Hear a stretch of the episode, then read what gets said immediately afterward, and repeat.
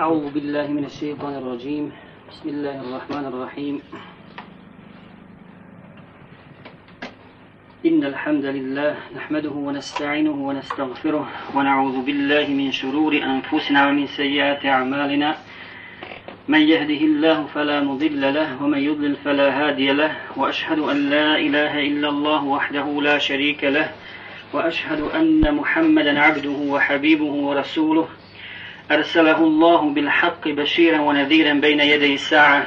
من يطع الله ورسوله فقد رشد ومن يعص الله ورسوله فلا يضر إلا نفسه ولا يضر الله شيئا. أما بعد فإن أصدق الحديث كتاب الله وخير الهدي هدي محمد صلى الله عليه وسلم وشر الأمور محدثاتها وكل محدثة بدعة وكل بدعة ضلالة وكل ضلالة في النار. ثم أما بعد السلام عليكم ورحمة الله وبركاته Slava i zahvala pripadaju Allahu Đelešanuhu, gospodaru svih svjetova. Njemu zahvaljujemo, od njega pomoć i uputu tražimo. Njemu se utječemo od zla naših duša i od naših loših dijela. Koga Allah Đelešanuhu uputi na pravi put, on je od upućenih, a koga Allah u zabludi ostavi, za njega nema upućivača. Svjedočim da nema drugog istinskog božanstva osim Allaha Đalešanu i da je Muhammed sallallahu alaihi ve sellem njegov rob i njegov posljednji poslanik. A zatim, draga moja braćo, Večeras ćemo, inša Allah, govoriti o jednoj vrlo važnoj temi. Naime, spomenut ćemo svojstva i osobine Allahovih štićenika, Allahovih prijatelja. Inače, puno se govori o evlijama, o Allahovim prijateljima i narod ima svakakvu predstavu. Muslimani imaju različite predstave o tome ko su to evlije, ko su Allahovi prijatelji.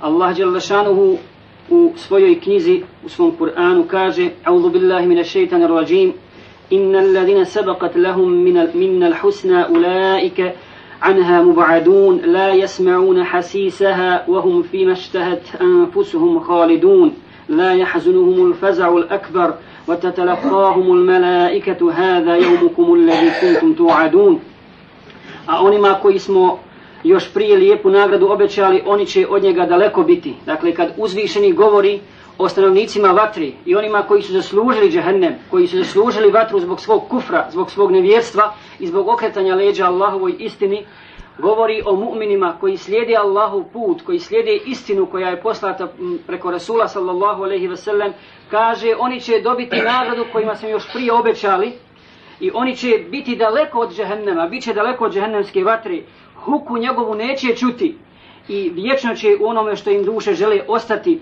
Neće se bojati najvećeg straha, neće se bojati fezaul akbara, najvećeg straha na sudnjem danu.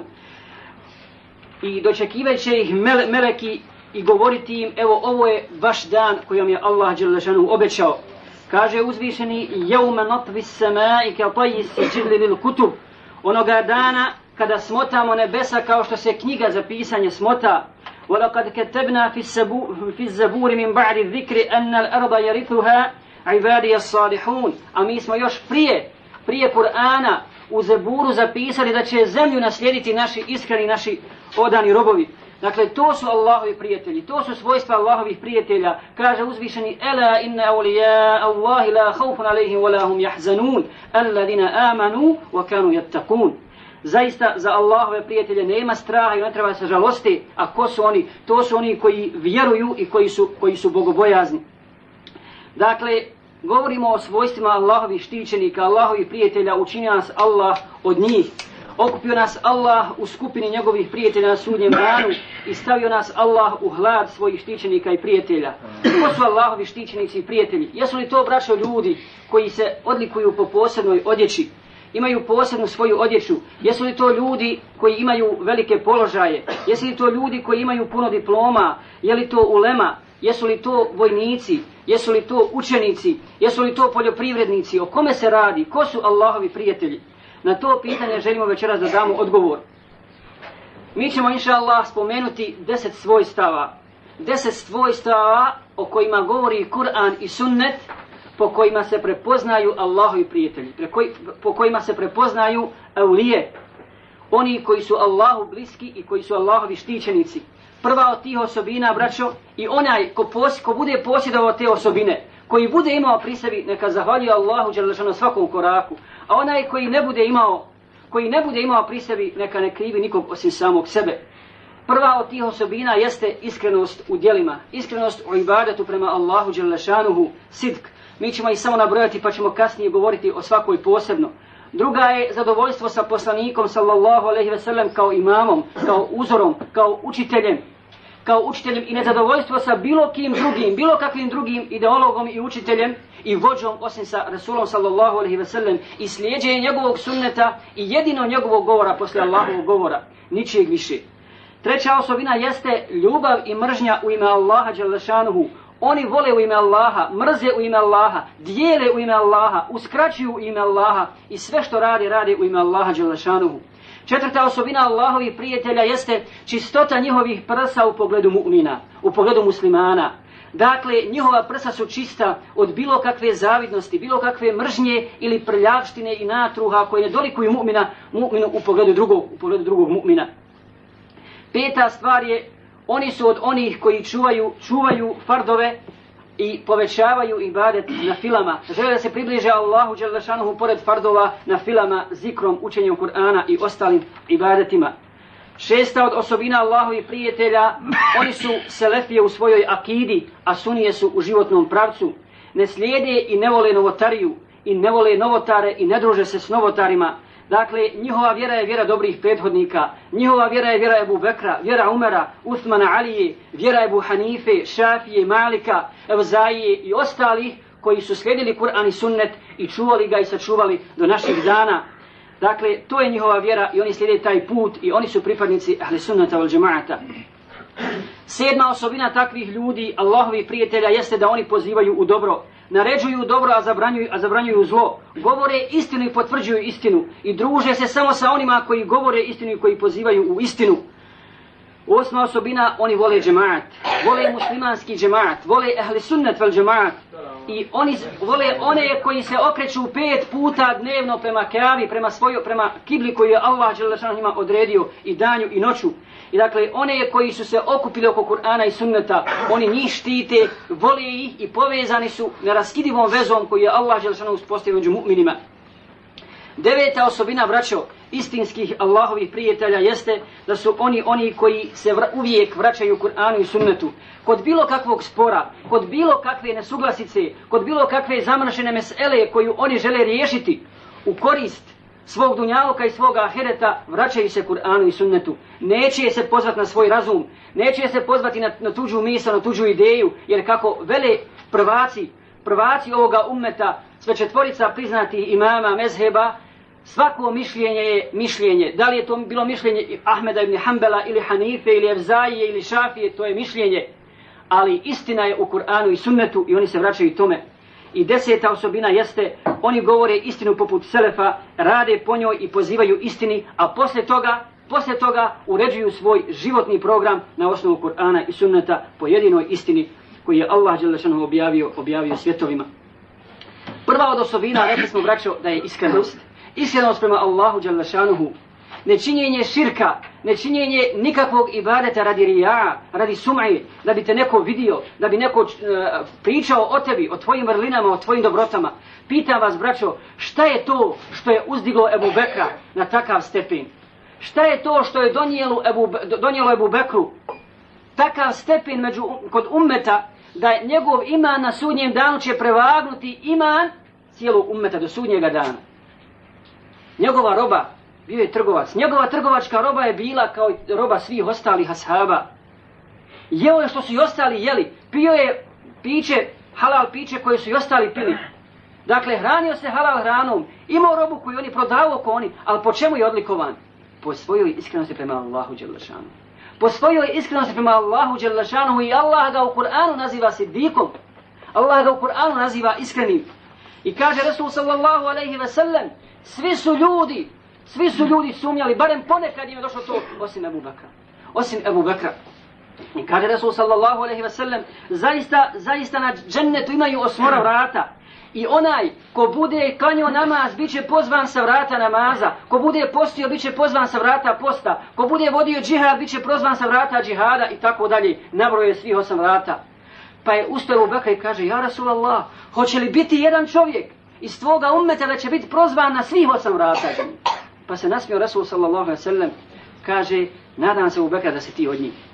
Nadam se da si ti, da si ti od onih koji će biti prozvani sa svih osam vrata dženneta. Zbog čega? Jednog dana Resul sallallahu alaihi sallam okupio ashabe i kaže, ko je od vas danas posjetio bolesnika? Svi su šutili, kaže u Bekri, ja. Ja sam posjetio bolesnika. Kaže Resul sallallahu alaihi sallam, ko je od vas danas ispratio džennazu? Svi su šutili, kaže u Bekri, ja. Pitao Resul sallallahu alaihi sallam, ko je od vas danas podijelio sadaku? Svi su šutili, u Bekri, kaže, ja. Pa je pitao Resul sallallahu alaihi ve sellem, ko je od vas danas postač, ko posti na filu? Svi su šutjeli, kaže u Bekri, ja. Kaže Resul sallallahu alaihi ve sellem, tako mi Allaha neće se kod roba naći ove, ove osobine u jednom danu da ga Allah ne uvede u džennet. Dakle, to je iskrenost prema Allahu Đalešanuhu. Kaže uzvišeni, kad aflahal mu'minun, alladhina hum fi salatihim haši'un. Spašeni su mu'mini, uspjeli su mu'mini. Ko su oni? Allah opisuje mu'mine na mnogo mjesta u Kur'anu, u suri Furkanu, u suri mu'minu i tako dalje. Opisuje, ali to je najljepši opis. To su oni koji svoj namaz skrušeno obavljaju. Kad ga vidiš na namazu, vidiš mu skrušenost.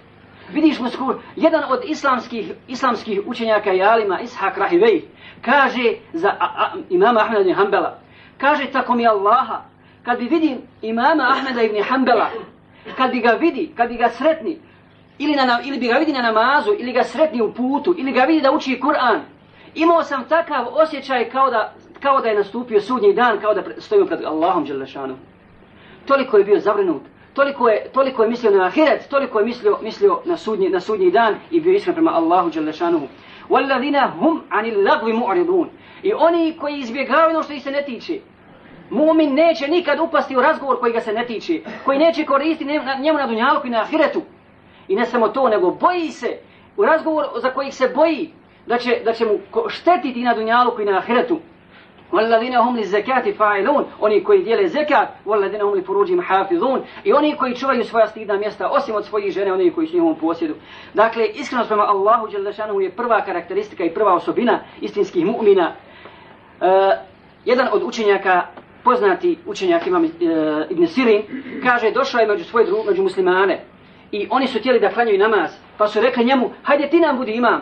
Kaže, neću vallahi. Kaže, zbog čega? Kaže, neću da ne biste rekli kad ja odim. Ibn Siri nam je klanju, klanju, klanju namaz, pa da me šeitan ne bi, ne bi naveo preko toga na rija i na su'u i na uđb, da ne bi bio, da ne bi porasto sam kod sebe. Jedan od islamskih učenjaka kaže, kad bi god pođe na ders, kad bi god pođi na hudbu, kad bi pođi na predavanje, nikada ni jedno predavanje nije održao da prije toga nije klanio dva rekata namaza i molio Allaha Đelešanuhu, molio Allaha Đelešanuhu da ga spasi rija i da ga spasi šeitanskog zavođenja, molio Allaha Đelešanuhu da bude iskren. I ako želimo biti Allahove evlije, onda moramo biti poput Selefa. Kaže, kod njih se dešavalo tako, kad bi se spomeni sunnet Rasula sallallahu alaihi ve sellem, kad bi se spomeni hadis, plakali su, plakali su, kad bi se spomeni hadis, jedan od njih je, bi, jedan od njih je bio Sejid ibn Musayyib, poznati mu hadis, poznati tabin, kaže na, na, na samrti, kad je bio na bolesničkoj postelji, neko je spomenuo hadis, Rasula sallallahu pa je tražio da ga podignu, kaže, podignite me, kaže, zbog čega bolestan si, slab si, Za, zašto da te dižemo? Kaže, tako mi Allaha ne želim ležećki da slušam hadis, to je ispoštovanja prema Rasulu sallallahu alaihi ve sellem. Imam i Malik, Imam i Malik je imao jednog učenika koji je stalno dolazio da sluša hadis. I jedan put je napravio pauzu od sedam dana i nikako dolazio. Nikako ne dolazio da sluša predavanja. Pa kad je došao, pitao ga, pitao ga imam, imam i Malika je, šta je s tobom? Šta je s tobom Allah smilovao, zašto nisi dolazio sedam dana da slušaš hadis? Kaže, zadržala me porodica. Ili je rekao, smrt u porodici me zadržala kaže teško tebi, zar ti je preća porodica od poslanika sallallahu alejhi ve sellem? Zar ti je preća porodica od hadisa Rasula sallallahu alejhi ve sellem? U tome je tvoj život, u tome je tvoj spas na dunjalu i na dunjaluku i na ahiretu. Dakle, to su bili ljudi koji su bili iskreni, iskreni i bogobojazni, jer kaže Hasan Basri, čudim vam se, čudim vam se, kaže, drvo je plakalo za Rasulom sallallahu alejhi ve sellem, a vi ne plačete. I šta mislite da su ovi ljudi živjeli s poslanikom sallallahu alejhi ve sellem kako bi se ponašali? Plakali su kad se spomene njegov hadis, plakali se kad, kad se spomene njegova sira iskreno ga slijedili i čuvali i sačuvali sunnet Rasula sellem. Kaže Hasan Basri, znate da je plakao mimber. Mimber, odnosno drvo, panj, panj od palme na kojem je Resul s.a.v. držao hutbe, pa kada je preuzeo novi mimber i počeo sa njega da drži, predav, sa njega da drži predavanje, da drži hutbe, čuo je jecanje, čuo je jecanje tog panja kako jeca dijete. Pa je morao sići Resul s.a.v. s tog mimbara i staviti svoju barek ruku i tada se ušutio panj. Dakle, to je naš učitelj, to je naš uzor, to je Allahov poslanik koji je bio bezgriješan i Allah ga je poslao da njega slijedimo i da ne slijedimo nikoga drugog i da on, on bude jedini uzor. Treća od osobina, dakle, ljubav i mržnja. Ljubav i mržnja samo ime Allaha Đalešanu. Kaže, bilježe Budavud, hadisu kome kaže Resul sallallahu alaihi ve sellem, ko voli u ime Allaha i mrzi u ime Allaha i dijeli u ime Allaha i uskraćuje u ime Allaha, upotpunio svoj iman. Taj je upotpunio svoj iman. Dakle, voliš mu'mina samo što je mu'min. Mrziš kjafira samo što je kjafir. Ne zbog toga što je on druge nacionalnosti, ne zbog toga što je druge boje kože, nego naša mržnja i ljubav su šarijatske. Samo zbog toga što je Allah Đelešanohu tako, nare, tako naredio. I zato što oni ne slijede put istine i što su daleko i što odvode druge, odvode druge u zabludu. Navašimo samo primjer istinske ljubavi u ime Allaha Đelešanohu između Šafije i, i imami ah, Ahmeda, imama Ahmeda ibn Hanbala. Kaže, došao je Šafija kod Ahmeda ibn Hanbala u zijaret došao mi na konak, pa mu je Ahmed ibn Hanbel iznio večeru, iznio mu je ulja i hljeba. Ahmed ibn Hanbel bio jako siromašan, jako siromašan insan, ali je bio bogat sa imanom, bio je bogat, bio je bogat sa vjerom. Pa kaže, i to je najveće bogatstvo, kad je, kad je imam i šafija stupio da, da večera, kad je puno je jeo. Puno je pojeo tako da se čudi Ahmed ibn Hanbel, kaže subhanallah, to ne dolikuje u lemi, to ne dolikuje alima tako jedu pa nakon, nakon večere i nakon jacije i nakon muhabbeta odnio mu je vodu. Odnio mu je vodu u njegovu sobu da, abde, da ima za abdesta kad, kad, se, kad ustanu izutra na sabba. Kaže pa kad su ustali vidio je da nije trošio nimalo vode. Ništa nije uzeo od vode. Pa kaže posle sabba, kaže sve mi je kod tebe jasno rekao Mehmed Hanbel, samo mi nisu jasne dvije stvari. Kaže puno si jeo kad si došao i kaže što nije što je dolikio alima i ulemi kakav si, kakav si ti i kaže nisi uopšte uzimao vodu za, e, za sabah, nisi uopšte abdestio. Zbog čega to subhanallah? Kaže što se tiče hrane tako mi Allaha tri dana nisam ništa okusio. Pa sam došao u kuću gdje sam siguran da je halal hrana. I onda sam želio da se do sita najedem halal, halal hrane a čega je najeo se, najeo se ječmenog hljeba i ulja pa kaže što se tiče vode kaj ja posle jacije nisam spavao, nego sam učio Kur'an i razmišljao o ahiretu, tako da sam sa, sa tim abdestom dočekao, dočekao sabba. A u isto vrijeme, a u isto vrijeme imam i Ahmed je u drugoj sobi valetio. Isto kao imam Šafija i molio, molio Allaha Đalešanuhu u dovi i govorio, Jarab, oprosti Šafiji, Jarab, smiluj se Šafiji. Ja, da njegov, toliko je molio za njega da je njegov sin Salih rekao, oče, Subhanallah, što toliko moliš? Pa dosta si molio. Allah Đalešanuhu čuje. Kaže, o sinko, znaš li ti šta je šafija za umet? Znaš ti kakav je primjer šafije? Kaj, ne znam, objasni mi. Kaj, njegov primjer je kao primjer sunca na zemlji. Ili njegov primjer je kao primjer srca za, u, u tijelu. To je čuvar sunneta. To je imam koji poznaje Kur'an i hadis, drugima ga prenosi i svaki trenutak koristi da ljude upozna sa Allahovom istinom. Dakle, iskren insan. I kada je umro imam Ahmed ibn Hanbel, Kar, toliko je imao na džen, kar milion i trista hiljada ljudi ga je pratilo na dženazi. A bio miskin, bio siroma. Čak su i židovi kršćani su da ga, istu, da ga isprati. Pa poslije dženaze mnogi su ga ljudi sanjali. Mnogi su ga ljudi sanjali. Govorimo o prijateljstvu ime Allaha Đelešanovu. I kaže, svi su usnili isti san. Pitali su ga, o Ahmede, šta, o Ebu Abdullah, šta je s tobom uradio Allah Đelešanovu? Pa je rekao, zonu moj, moj gospodar je rekao, o Ebu Abdullah, o ja Ebu Abdullah, idi pridruži se Ebu Abdullahu i Ebu Abdullahu i Ebu Abdullahu. Pa sam rekao, Jarab, ko su ti ljudi? Ko su ti ljudi? Kaže, to su Šafija, Malik i Sufjan i Seuri. Svi su imali sine, sinove Abdullahe, pa su potom bili prozivani Abu Abdullah. Dakle, to je iskrena ljubav u ime Allaha Đelešanu i Allah je takve sprijateljio, sprijateljio i u džennetu. Molimo Allah da, na, da, u nas, da nas učini od njihovo, od njihovog društva. Međutim, koliko mi danas braćima muslimana koji klanjaju pet dnevni namaza, koji su iskreni vjernici, a koji se druže sa, sa griješnicima i sa onima koji prkose Allahu Đelešanu, ne zbog dave, ne zbog toga da im prenosili davu, nego uistinu zbog prijateljstva, ne mogu da se odvoji, ne mogu da se odvoji od njih. Četvrta osobina Allahovi prijatelja jeste da su im prsa čista u pogledu mu'mina. Prsa su im čista u pogledu mu'mina i nemaju ni gille, ni zavisti, ni mržnje, ni prema jednom muslimanu. Kod nas, na uzubillah, kod nas je šeitan angažujući i svoju pješadiju i svoju konjicu zaveo mnoge ljude. Nas mala stvar, naš šeitan dobije pošalje jednog svog pješaka pa nas, pa nas zavede. Mala, mala stvar zavede braću, pa se zavade, pa nešto u prsima nikne, nikne mržnja neuzubila, zavidnost i tako dalje, a svaki dan klanjaju istom safu. Ashabi takvi nisu bili, tabini nisu takvi bili. I to nije svojstvo istinskih Allahovih prijatelja. Wallahi nije. I ne može i tako lahko zavaditi bilo kakva stvar kad oni imaju uzvišeni cilj i kad oni žele, žele stati čisti pred Allaha Đalešanovu i znaju da će ih Allah udružiti samo takve, kad se volaju ime Allaha Đalešanovu i znamo za hadis Rasulullah s.a.v. kada je rekao tri puta i tri dana, svaki put, sad će na ova vrata doći džennetlija. Doći će džennetlija, onaj koji će ući u džennet. Pa je jedan od ashaba pratio tog insana, pratio tog čovjeka i boravio kod njega u kući i vidio da kod njega nema ništa posebno što nema kod ostalih ashaba, pa ga je pitao šta je to kod tebe? Ti klanjaš i mi klanjamo, postiš i mi postimo, klanjaš noći namaz i mi klanjamo noćni namaz. Ka, šta je? Ja kaj ne znam šta je, osim ako nije to što ja nikad ne legnem, a da mi prsa nisu čista u pogledu mu'mina, u pogledu svih muslimana. Dakle, svima želim hajr, svima želim uput, svima želim dobro. Kaj, to je to. To je ono šime, šime, šime si odlikovan i šime si počešen i zbog čega ćeš ući u džennet. Ko su Allahovi prijatelji, subhanallah? Bilal, Bilal Habeši, Salman Farisi, Habab ibn, e- Eret, oni za koje su mušici govorili Resulu sallallahu alaihi ve sellem, otira njih pa ćemo, mi, pa, ćemo, pa ćemo mi primiti islam. Otira njih od sebe, jer su bili prije robovi. A pogledajte kako islam uzvisuje. Dakle, to su istinu Allahovi prijatelji. Pogledajte riječi Omera radijallahu ta'ala an. Kaže Omer, ove riječi valja zapamtiti. Kaže Omer za naš gospodin Ebu Bekr, naš gospodin Ebu Bekr oslobodio je našeg gospodina Bilala. Gospodin Bilal, vallahi, u islamu. To je čovjek, to je ashab koji će ostati do sudnjeg dana zapamćen. Šta je bio prije toga? Na kraju krajeva šta je bio Omer? Bio je grudva mesa i kostiju. Ništa više, nepoznat, islam ga proslavio. Kaže Resul sallallahu alaihi wa sallam, čuo sam, čuo sam bat nanula Bilalovih u džennetu. Bilalovi, ničijih drugih. Pa je pitao Resul sallam Bilala, šta je to kod te Bilale, po čemu si to odlikovan, zašto te Allah nagradio time?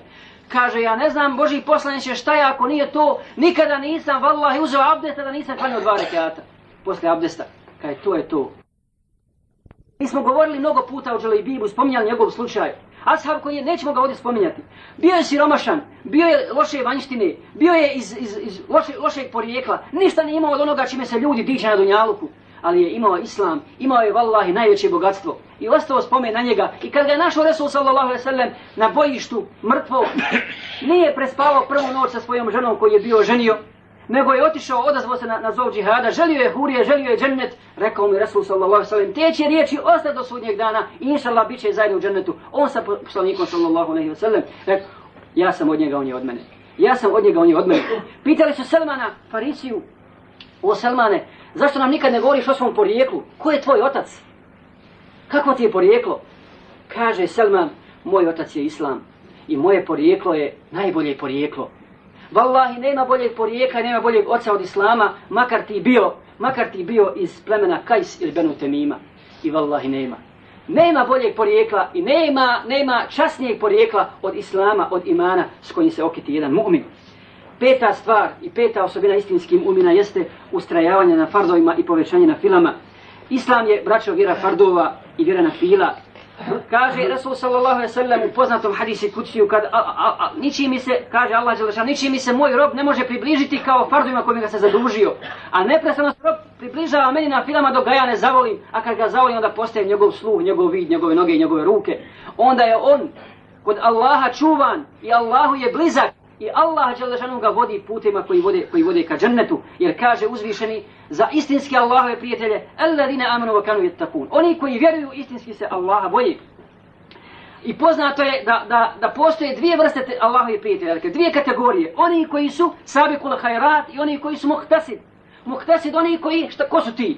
Oni koji izvršavaju farzove klone se harama ali upadaju u neke mekruhe i ne izvršavaju neke mustahabe. A oni koji su sabi kula hajrat, koji su druge pretekli u dobru, to su oni koji izvršavaju i fardove. i klonije se harama, izvršaju mu stehabe i ostavljaju, ostavljaju ime, ime, kru, ime kruhe.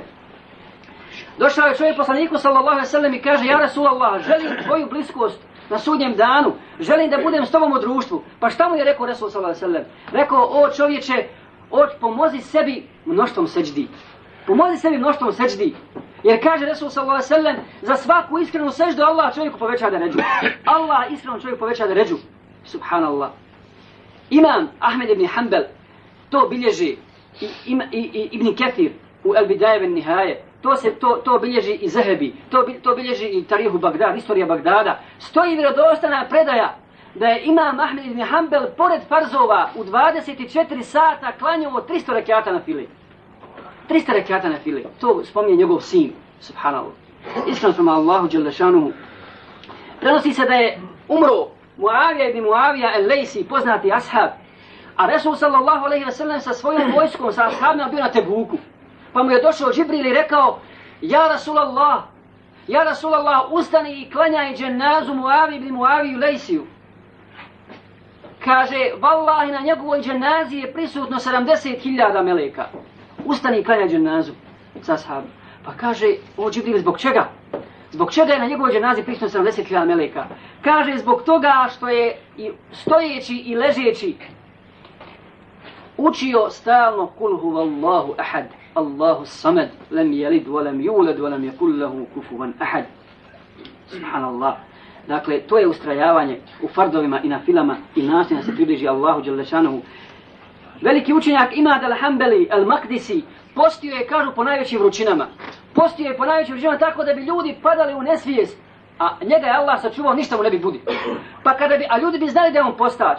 Pa kaže, kada bi ljudi pomisli da on posti, on bi nosi sa sobom čašu. Nosi bi sa sobom čašu i pravi se da pije. Kao da pije, a nije u stvari pio. Bojio se ja, bio iskren prema Allahu Đelešanu i želio istinski se približi Allahu Đelešanu. Poznato je da je imam, da imam Kesir spominje slučaj Evzaji, kaže nikada nije plakao na namazu kada je bio u društvu. Kada je bio u mesidu, kada, su, kada je bio sa ljudima. A u svojoj kući bi toliko plaći na noćnom namazu ili na bilo kojoj drugoj na fili, da je komšija, da je komšija čuo njegov glas i njegovo ridanje i njegove suze u, drugu, u drugoj kući. Šesta osobina iskren, iskrenih Allahovih robova i njegovih prijatelja jesu da su oni selefiji u akidi, a sunije su u životnom pravcu. Dakle, to je ono što oni slijede. Slijede Kur'an i sunnet i to je jedini put koji vodi do dženneta. Nikakav drugi put. Wallahi da izmisliš ne znam koliko ibadete, da klanjaš 500 rekiata, ne mislimo na ovi 300 rekiata po sunnetu kako je klanjao Ahmed ibn Hanbel, nego da izmisliš ne znam kakav ibadet koji nije klanjao Resul sallallahu alaihi sallam i koji nije poznat u sunnetu, neće ti biti primljen ako ne bude slijedio Resula sallallahu alaihi sallam. Njemu je silazio Džibril i on je, on, je, on je poslanik, on je putovođa i ko njega ne bude slijedio, sigurno je zalutao, sigurno je propao. Bilježi se slučaj Musa al-Ašarije koji je došao u Kufu, došao u Kufu, a tamo je namjesni bio Abdullah il Mas'ud. Pa kaže, svratio u mesjid i vidio je ljude okupljene u halki i nose, drže kamenje. Kaže, pred svakim je gomila kamenčića i imaju svog jednog predvodnika koji ih vodi u zikru i spominju i kažu, govore, o, on im kaže, recite toliko puta, subhanallah, izdvojite toliko kamenčića. Pa kada to ide Musa al-Ašari, kaže, ljudi, što vi to radite? Začudio se. Nije to nikad čuo ni vidio prije. Pa je otišao potražiti Abdullah ibn Sa'uda i našao ga i kaže, znaš li šta ti radi ljudi u mesjidu? Pa Kaj ne znam, vallahi. Kaj, hajde sa mnom. Pa kad su došli u mesjidu, on i dalje to radi. Pa kaže Abdullah ibn Sa'uda, ljudi, bojte se Allaha, šta to radite? Kaže, zikrimo, spominjemo Allaha želešanu. Kaže, jeste li to vidjeli od poslanika sallallahu alaihi wasallam? Kaže, nismo, vallahi. Kaže, onda ste vi jedno od dvoje. Ili ste veliki džahili neznalice. A ako ste džahili, treba da naučite, treba da pitate. Ili se smatrate pametni od poslanika sallallahu alaihi wasallam. Dakle, on je onaj kome dolazi u Džibriju i on je putovođa. I oni koji su Allahovi prijatelji, njihovo svojstvo je da slijede Kur'an i sunnet i da se ne udaljavaju od ehli sunnata od džemata. Sedma osobina Allahov istinskih prijatelja jeste da oni pozivaju hajru. Oni pozivaju hajru. I sav njihov narod se trudi na, da, da nauči ilm. Njihova omladina želi da pokupi sve kvalitete istinskih mu'mina. I vallahi, braćo, kad bi govorili danas o muslimanskoj omladini, vidjeli bi da je žalostna situacija. Vidjeli bismo da je žalostna situacija sa muslimanskom omladinom, da ta omladina koja bi trebala da bude kičma jednog naroda, koja bi trebala da ponese glavni teret, nije onakva kakva je bila omladina Rasula sallallahu alaihi wa sallam. Omladina Rasula sallallahu alaihi wa sallam ponjena je glavni teret. Ako si pogledao i ako čitaš u bitkama, vidjet ćeš na bojnom polju najviše šehida mladića. Vidjet ćeš da su smimbera i glavne daje bili ko? Mladići. Vidjet ćeš da su, da su oni koji je slao Rasul sallallahu kao svoji zaslanike bili mladići. Nije tako sa ummetom Rasula sallallahu alaihi wa sallam. Rasul sallallahu alaihi wa sallam kada, kada je okupio svoje ashabe, kada se pojavio lažac Musailama al-Kazab u Jemami, okupio ashabe i kaže o skupina ashaba, ko će od vas otići Musailemi i govoriti mu o islamu i prenijeti mu davu i govoriti mu o Allahu i kazni koja ga čeka na ahiretu zbog njegove laži. I kaže, ko će se povjeriti Allahu Đelešanuhu koji ga neće sigurno nikad izdati. A ove riječi zadnje su značile, ko će otići direktno u džennet da se više ne vrati na dunjaluk. Ko želi da bude šeh na Allahovom putu, pa se javio čovjek po imenu Habib ibn Zaid. A znate li raču koliko imao godina? Imao je 22 godine. Imao je 22 godine i nije imao oca, otišao je svojoj majici. Otišao je majici i rekao, o majko, Resul sallallahu alejhi ve zadužio time i time. Kaže, o sinko, ono što naredi Allah i njegov poslanik, to je sveta stvar i to se mora izvršiti. Idi, idi, a ja ću inšala biti strpljiva. A, mak, a ti idi, pa makar ja i umrla. Makar, pres, makar mi srce puklo od, od tuge i žalosti za tobom. Pa ga ispratila i otišao je, otišao je Habib ibn Zaid i kaže kad je došao kod Musejleme, ušao u njegov šator, ušao u njegov šator, kaže mu Musejleme, ko si ti? Kaže, ja sam izaslanik posljednjeg Allahov poslanika Muhammeda sallallahu alaihi ve sellem. Kaže, jel ti vjeruješ u istinu da je on Allahov poslanik? Kaže, ne Allahi, vjerujem, on je u istinu Allahov poslanik. A kaj vjeruješ da sam ja Allahov poslanik? Kaže, nisam ništa čuo, ne čujem ništa. Pa je ponovio tri puta to, kaže, ništa ne čujem. I naredio je, naredio je svom kasapinu, svom dželatu da ga udari kopljem. Pa ga je udario tako da mu je odmah odbio jedan dio tijela koji je palo na zemlju. Pa onda ga je pitao kaj ne vjeruješ da je Muhammed Allahu poslanik? Kaj je vjerujem vallahi svjedočim da je on posljednji Allahu poslanik. A kaže vjerujem da sam ja Allahu poslanik? Kaj ne čujem ništa. Pa je naredio dželatima sa sabljama kaj da ga isprobadaju. I učinili su to. I isprobadali su ga sabljama, a on je u tom trenutku izgovorio šehadet. I rekao je, ja, o, ja rob, obavijesti svoga Resula, obavijesti poslanika Muhammeda sallallahu alaihi sallam šta je sa mnom radio ovaj lažac. I rekao je, assalamu alaike ja Rasulallah. Istog trenutka Džibril je prenio poruku Muhammedu sallallahu alaihi ve sellem, pa je rekao Resul sallallahu alaihi ve sellem, wa alaike salam ja Habib ibn Zaid, wa alaike salam ja Habib ibn Zaid, wa alaike salam ja Habib ibn Zaid. Dakle, to je ta omladina. Koga je poslao Resul sallallahu alaihi ve sellem u Jemen, kada je gledao ashabe koga će poslati kao daju Jemen, pale su mu oči i zaustavio se njegov pogled na kome? Na kome? Ko je poslat u Jemen kao daija? Znate li? Muaz ibn Džebel. Koliko ima godina? 18 godina. 18 godina, pa kada ga Resul s.a.v. izabrao i rekao ti, rekao je, rekao je ovaj plemeniti ashab, zaplakao je i sjeo na zemlju. Pa kaže Resul s.a.v. zašto plaćeš Muaz? Zbog čega te suze? Kaže, ne plaćem vallahi zbog dunjaluka, niti zbog života, nego plaćem što se bojim da te više neću sresti osim na sudnjem danu. Neću se više s tobom vidjeti. Kaže, o Muaz, te suze su od šeitana. Ne plaći zbog toga, jer nama je džennet inša Allah zagarantovan. To je naš cilj i tamo ćemo se sresti, to je najbitnije, to je najvažnije. I otišao je 18-godišnjak. Nije probalo Resul sa 50-godišnjaka, ni 60-godišnjaka, ni bilo koga drugog, nego je probalo mladića koji je otišao, a današnja naša omladina, subhanallah.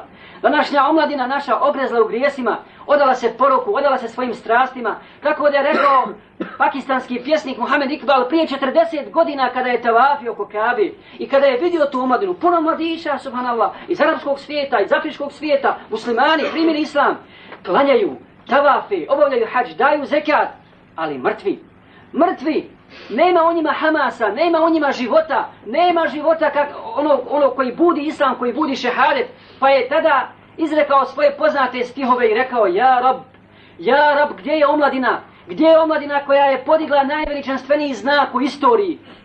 Gdje je omladina koja je prodala svoje duše za la ilaha illallah Muhammadu Rasulullah? Prodala svoje duše za, cije, za vrijednost koja nema cijene, za džennet koji je širok koliko nebesa i zemlja. Ja rab, gdje je? Gdje je novi? Rekao je, rekao je tada, gdje je, gdje je novi, gdje je novi Ibn Taymije poslije Ibn Abbasa? Jer poslije Ibn Abbasa kao poznatog mufesira, kao poznatog stručnjaka u Kur'anu, u tefsiru, u hadisu, u fikhu, javio se Ibn Taymije. Došao onaj koji je isto tako odgojen na Kur'anu i a nije bio ashab. Gdje je novi Salahuddin poslije Halid ibn Velida? I gdje je novi Tarik ibn Zijad poslije Sa'ad ibn Vekasa? Ja, rab, gdje je ta omladina?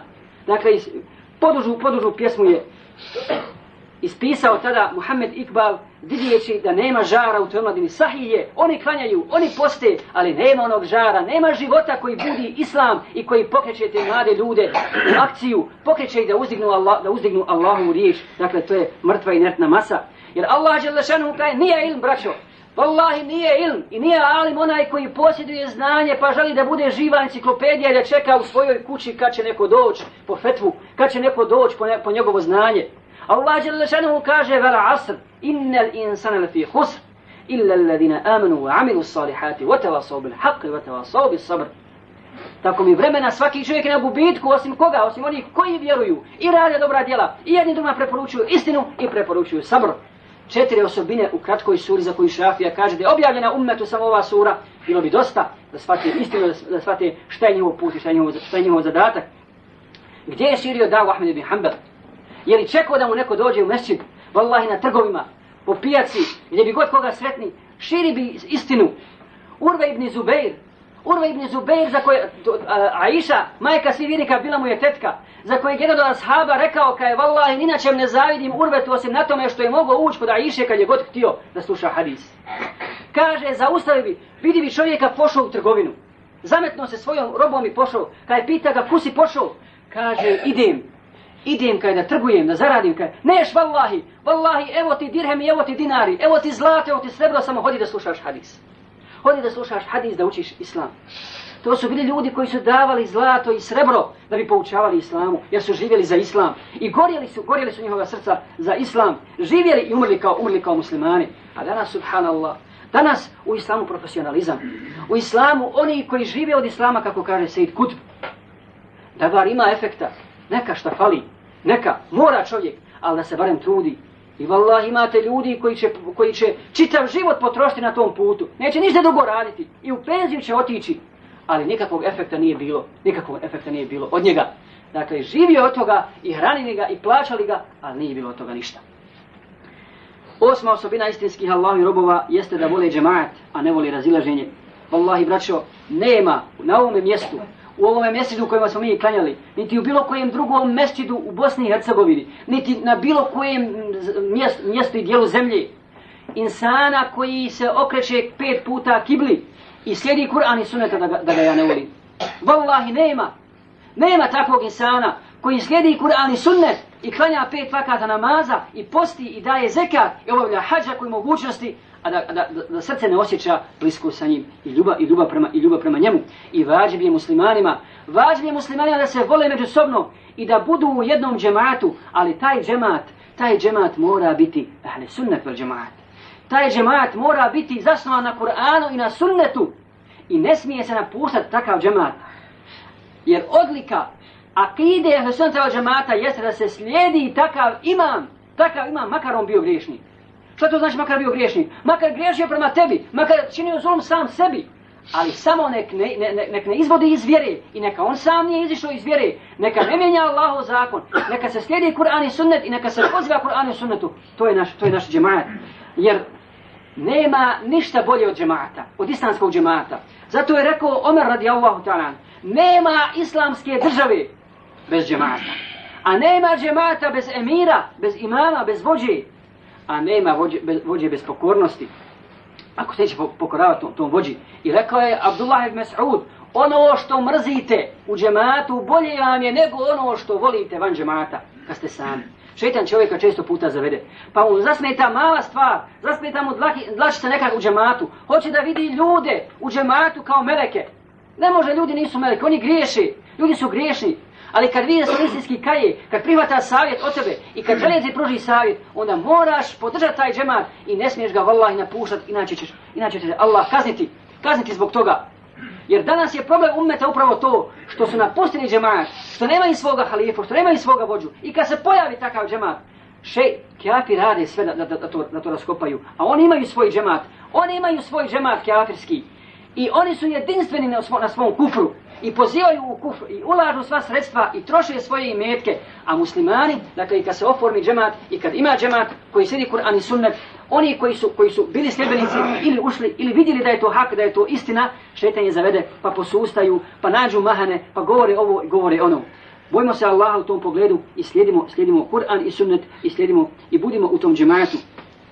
Deveta osobina istinskih Allahovih robova i prijatelja jeste da se uvijek vraćaju Kur'anu i sunnetu. Na, sva, na svaka, svaka mesela, svako pitanje, svaki problem koji se tiče Islama ili njihovog života, a vezan je za ibadet i odnos prema Allahu Đelešanohu ili njihov međuljski odnos, a ima rješenje sigurno u Kur'anu i sunnetu, a ne možemo se složiti, ne možemo naš zajedničko rješenje, mi, po svom nahođenju, moramo se vratiti Kur'anu i sunnetu. Onaj ko se ne vrati Kur'anu i sunnetu, s njim nešto nije u redu. S njegovim imanom nešto nije u redu. Jer kaže uzvišene ve inte na'zatum fi shay'in farudduhu ila Allahi war Rasul. Ako se u nečem ne slažete, vratite se Allahu i njegovom poslaniku. I, uh, ako vjerujete u Allaha i sudnji dan. Ako vjerujete u Allaha i sudnji dan. Subhanallah. Dakle, to je šar, to je uslov da se vratite, nema pristrasnosti, pristrasnosti u tome. Vjerni slijedi Kur'an i sunnet, to je svjetlo, to je istina, a kad bude slijedio svoje mišljenje, onda će sigurno ga ono odvesti na stramputicu. I deseta osobina, oni govore istinu, i slijede samo istinu i druže se sa onima koji govore istinu. Jer Resul sallallahu alaihi sallam preporučuje se, govori samo istina i on je govori istinu čak i u šali. Draga braćo, naša idem često puta zavede. Wallah ima takvih ljudi koji o svom bratu, kad mu pogodi ustrast, makar on govorio istinu, on govori protiv njega. Izmisli nešto. Izmisli nešto, pojavi se mržnja u prsima. Brat govori sigurno istinu, ali pogodio je njega u strast. Pogodio je u njegov nefs i njemu ne odgovara. I slaže protiv njega. Slaže protiv njega. A onaj s kojim se on druži, s kojim je on blizak, čak i kad pogreši, neće ga upozoriti. I odobrit će mu ono, ono što je pri njemu. To nije osobina Allahovi prijatelji. To nije osobina Allahovi prijatelji. Osobina Allahu i prijatelja da govore istinu, kako je rekao Rasul sallallahu alaihi wa sallam, kulil haqqa u levu kane murro. Recite istinu, pa makar vam, bila, makar vam bila i gorka, makar bila protiv vas, makar bila protiv vaših najbližih, istina se mora reći, jer zato će se odgovarati. Dakle, to je deset osobina istinskih Allahovih prijatelja. Molim, svaka ova osobina ima još svojih podosobina, ali je dovoljno da onaj ko sakupi da se, da se smatra Allahovim prijateljem i molimo Allaha Đelešanu da se okitimo ovim osobinama, da nas Allah učusti na istini, da živjeli u islamu sa la ilaha illallah i da umremo kao muslimani, da, da nas Allah udruži ženete svojim poslanikom i sa, sa onima koji su nas pretekli u dobru. Amin. Rekao ovo, molim Allah da oprosti meni i vama, molite ga i vi.